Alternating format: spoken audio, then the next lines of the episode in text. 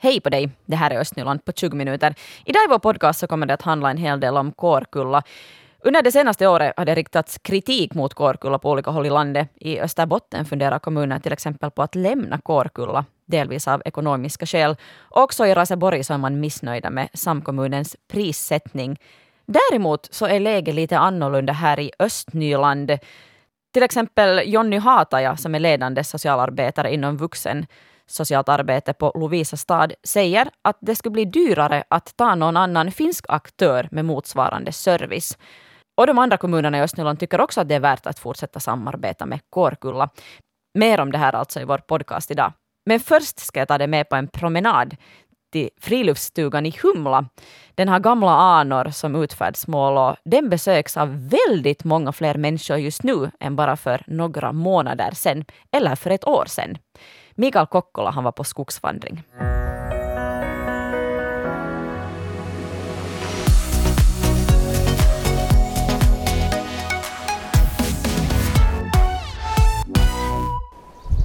Och solsken mot kinden och fågelkvitter i öronen. Som lite lat stadsbo är jag inte så van med att promenera i skog och mark och på vandringslederna här kring Borgå. Men på grund av ja, omständigheterna så blir det lite mer av det just nu för mig. Med mig äh, som promenadsällskap per telefon har jag här en kort stund Per Högström. Han är chef för idrottstjänster i Borgå. Hej Per! No hej hej, jag hoppas att du lite vandrar hårt att pulsen stiger samtidigt. jag kan bli lite andfådd här kanske, vi ska se. ja, äh, har du tagit dig ut till Humlastugan här nyligen? Ja, inte på en tid har jag inte varit på Humlastugan. Det har varit, det har varit arbete, arbete, arbete mera på så att säga från kanslisida och, och, och dessutom lite vinterledigheter som jag har varit i skärgården. Så det där, jag, jag har inte vandrat på lederna nu på en tid. Nu när jag har gått här så det kommer människor emot och förbi också på cykel och med hundar och med barnvagnar och så här. Uh, nu på grund av omständigheterna, vilken fingertoppskänsla har du?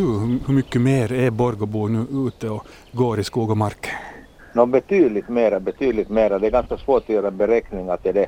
Där det var en tidigare, det är tio nu här. Jag tror till och med flera för att, att folk, folk, folk sköter om sin kondition på det sättet som det är möjligt och, och vad är bättre än den att röra sig ut i natur och mark som, som, som också du Mikael. No, men Humlastugan, det är en klassiker har jag förstått här i Borgå. Miljö och naturen, vad är det för upplevelser man får på vägen? Humlastugan är faktiskt en, en gammal tradition och den, den var redan säkert på 60-70-talet också där men det var en annan uppsättning. Uh, det närmar ju sig, ska vi säga bostadsområdet Humla och, och vi har försökt flytta, flytta naturstigarna och vidare från Humla till Holken som följande steg. Att, mm. att om man ännu tar den med från, från Humla vidare så är man nog faktiskt ute i, i naturen och, och, och har det, har det, har det ganska, ganska rofullt för sig. Ja, jag har sett fina åkerlandskap här, fält, sen skog. Ganska mycket sån här vild trollskog, mossa och stenar och massor med gam gamla träd. Ja, vad har jag missat ännu? jo, den är synd att det är en del som är, som är så att säga skyddat och naturområden i synnerhet där vi, vi, i Holkerrutten så det är faktiskt en, en, en, en ursprunglig skick, den skogen och den naturen som finns där, den är, den är talande. När man har vandrat till exempel då från Rönnvägens parkering där vid, vid Borgå sjukhus och tagit sig till Humlastugan och, och så, så benen är kanske lite trötta. Det finns en grillplats där. Men lite ont om, om bänkar och, och platser att sitta på och, och pusta ut på. Hur har ni tänkt kring det här?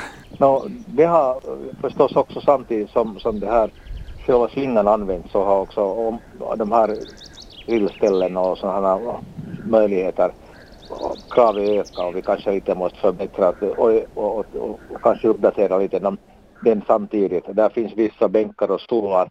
Eh, uh, det är utmanande att hålla i skick uh, humla på, på det sättet att, att man kommer med bil fram och, och ganska mycket illgärning tyvärr att om, om man ser på bordet så har det varit lyft så nära grillen att det nästan brunnit upp och annat. Att sånt här måste vi lite förbättra oss på när, när, när användningen är och hoppas också i fortsättningen li, lika höga. Så det blir mera sittplatser där på olika ställen så att man kan hålla, hålla den här distansen som behövs. No, vi ska försöka förbättra och, kanske hitta sån bänk och bo, bordsbänk och någon då också med familjen vill grilla korven och äta den där att, som hålls på plats att man inte orkar flytta det så långt ifrån heller nära elstaden att det tar illa upp. Så vi ska försöka hitta en, en uppdatering för det här i, i, i snar framtid. Precis. No, men uh, Humla är fint och det är en ganska bred gångled som, som tar en dit. Det finns många områden som Borgå har hand om. Ge nu allra sist här tips om, om vart jag borde promenera efter det här. Ja, no, sen när du har flera gånger tagit dig till Humla och din kondition har blivit bättre så jag hoppas du fortsätter till Folken. Men den stället är faktiskt en sån här, en, en, med sin tysthet en salande ställe. Säkert den mest avslappnande avkopplande sidan. per Högström där från, från chef för idrottstjänster i Borgå tyckte helt klart att Mikael Kokkola hade lite för dålig kondition, att han måste lite skärpa sig nu så att han orkar gå längre vägar.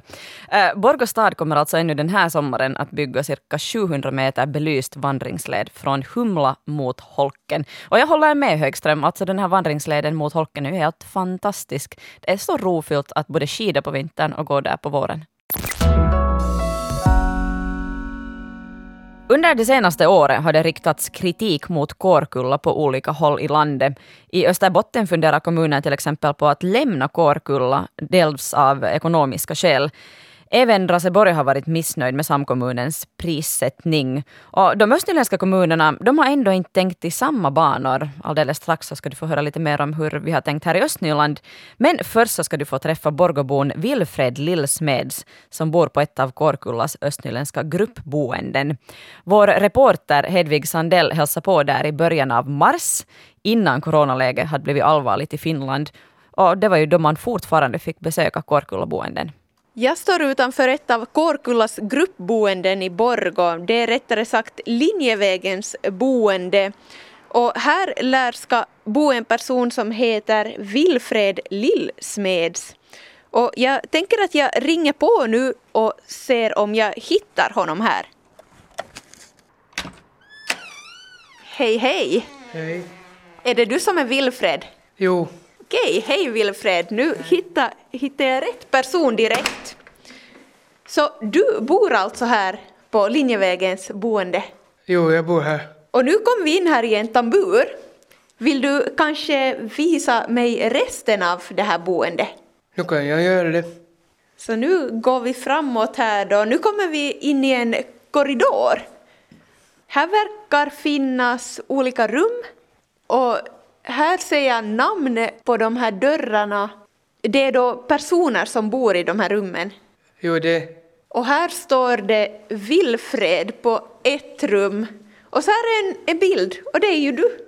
Jo, jag bor här på det här rummet. Ska vi gå in och titta? Ja. Så nu kommer vi in här i Wilfreds rum på Kårkulla och det här är som en etta. Här eh, finns en soffa, en säng, ett skrivbord med en dator och så har det en TV här. Och så har du en massa filmer också ser jag. Var det så att du är väldigt filmintresserad? Eh, jo, hit bara Oscarvinnare som är de där världsberömda. Så det är Oscarvinnare du är speciellt intresserad av att se? Eh, jo. Ja, det ser ju riktigt trevligt ut här och så har du till och med ett sånt här litet kök. Ja, jag brukar nu i- emellanåt kocka nu själv och sen lite stöd måste jag nu få med mat. Och så har ni också ett större kök här och ett vardagsrum. Nu kommer vi ut här i korridoren igen och här i slutet av korridoren så finns det ett stort vardagsrum med en soffa och flera fåtöljer och ett stort matbord och ett kök som är ganska mycket större än det lilla du hade i ditt rum. När jag på veckosluten som är nu är intresserad av matlagning och sånt. Mm. Här brukar ni laga mat på veckosluten. Och så har ni också en terrass här. Det ser ju ut att vara riktigt soligt och fint på den. Vi alla samlas som är passligt het så brukar vi vara där och sitta. Nå, hur brukar en vanlig dag se ut här på Kårkulla? Ja, det är boende nu, nu tomt men vi är på arbetsdagar så borde vi få 31 det är bonuspeng i hela Finland. Ja, så den 31 får ni en bonuspeng. Och eh, det ser ju väldigt trivsamt ut tycker jag här, men hur trivs du med att bo här på Kårkulla? Nu trivs jag helt bra. Och du har bott här alltså redan i tio år. Du är nu 30 år och har bott här sedan du var 20 år gammal. Vad är det som är så bra med Kårkulla? Det är nog att få nu träna på städ och, hjälpa vissa. Måste nu ha numera nu hjälp men nu några som behöver inte hemskt mycket. Och har du hunnit lära dig någonting här nu under dina år här på Kårkulla? Nu har jag nu lärt mig om, jag tycker personligen man ska nu, också följa med nyheterna och sånt och, och sporten. Sporten är viktig också. Jo. Och så jobbar du också som gårdskar två dagar i veckan och sen på en firma tre dagar i veckan. Och eh, du planerar också att eventuellt flytta till ett sånt här självständigt boende på sommaren ifall din ansökan går igenom. Varför vill du flytta till ett självständigt boende? Det, nu är det att få träna. Nu är allt det där, nu grunden till, till slut. Ja, nu har du sagt att det är bra att bo här på Kårkulla, men finns det någonting som inte är lika bra? Vad skulle kunna vara bättre? Nu är det nu ganska nu svårt att säga. Det är nu bara bra. Alldeles nyss fick vi höra Borgobon Wilfred Lillsmeds berätta om hur det är att bo på ett av Kårkullas gruppboenden.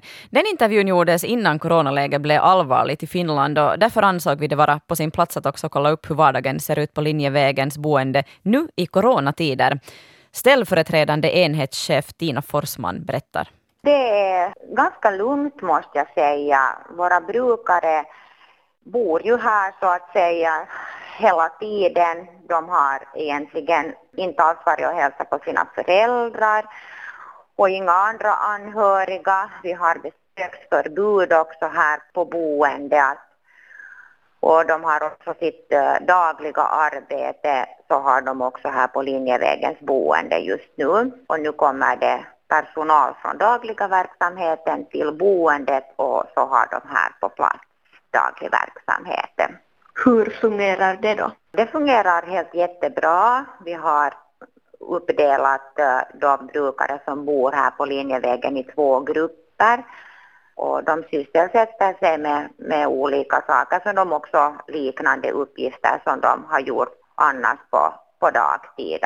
Och det är alltså besöksförbud där på boende men får de som bor där ändå fara och hälsa på sina föräldrar till exempel? Nej, och det här gäller liksom alla boenden. Inom Kårkulla så gäller det besöksförbud både hit och också de som bor på boenden får inte heller fara och besöka föräldrarna på grund av att vi har många inom vår verksamhet som hör till riskgruppen.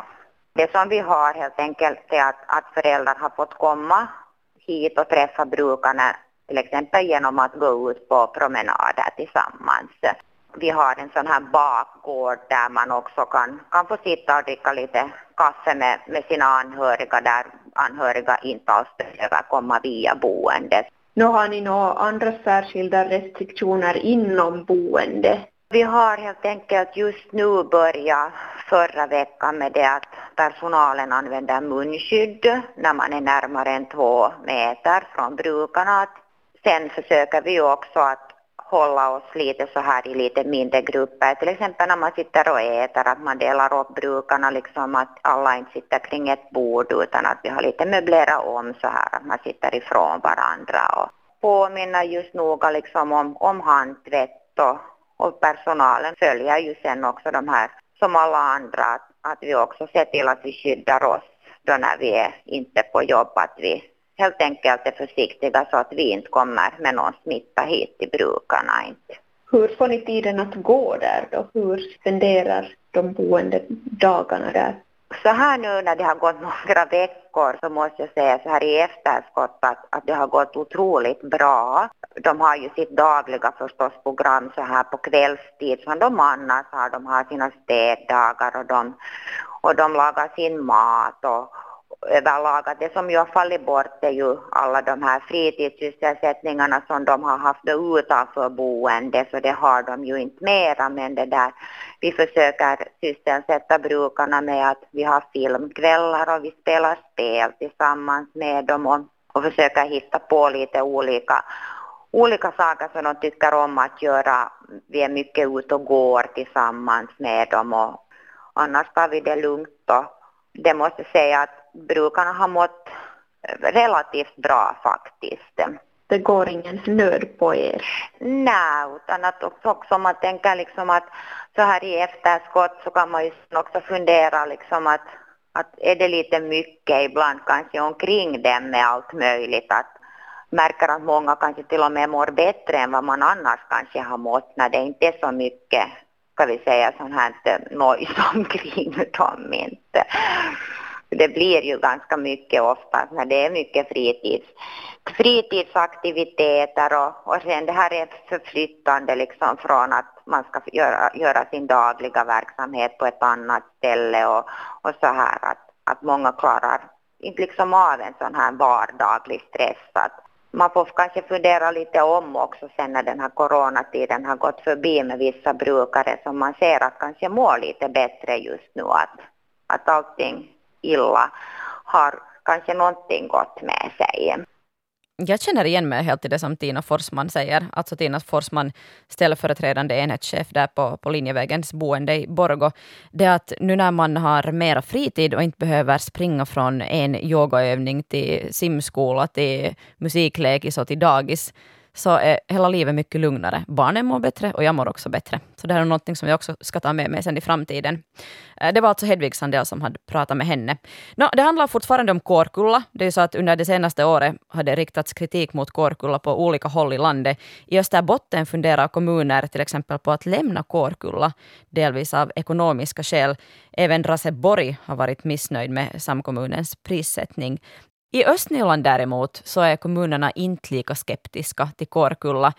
Visst kräver samkommunen ändå pengar. Det här säger social och hälsovårdsdirektör Lena Kokko på Sibbo kommun.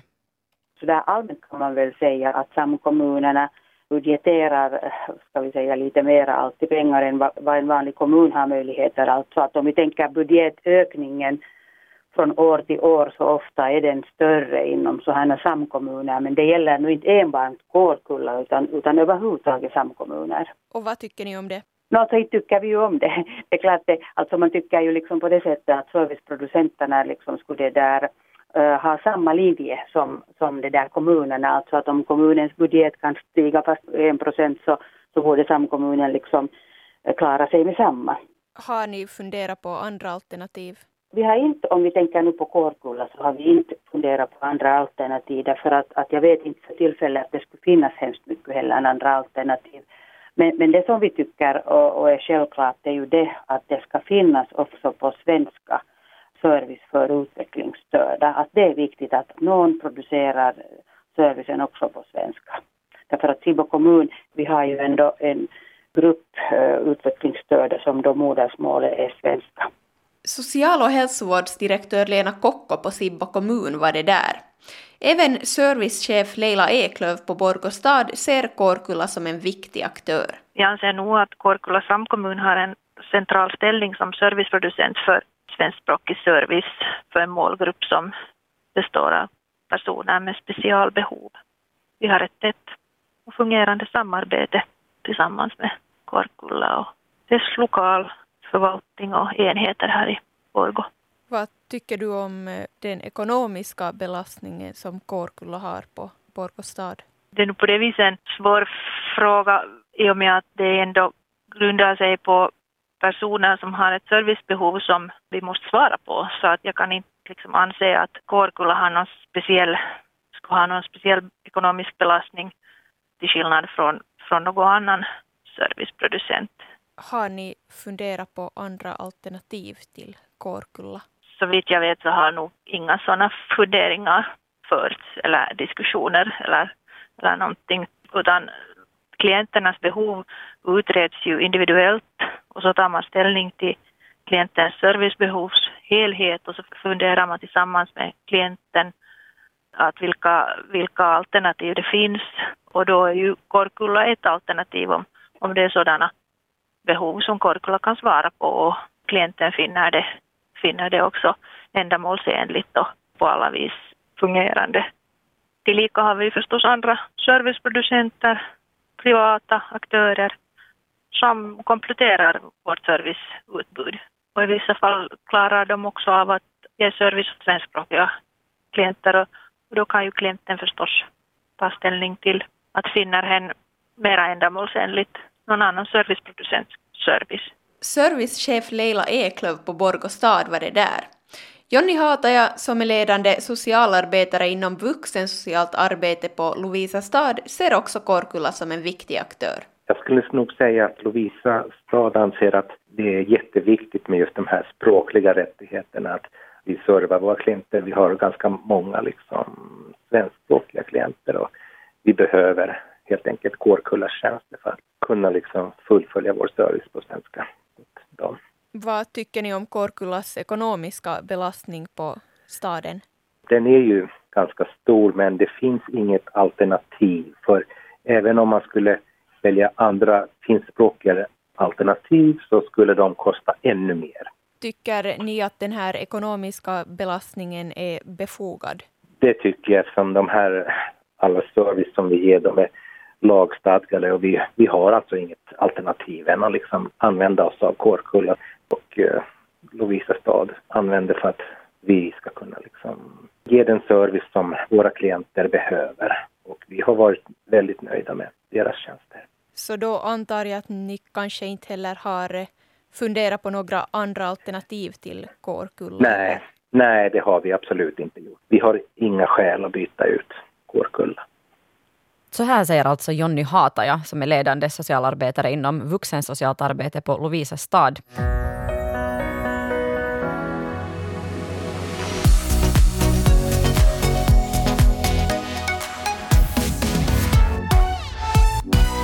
Flera östnyländska nyheter hittar du på vår webbplats svenska.yle.fi snedstreck östnyland. Jag som höll dig sällskap här idag, jag heter Frida Frankenhäuser.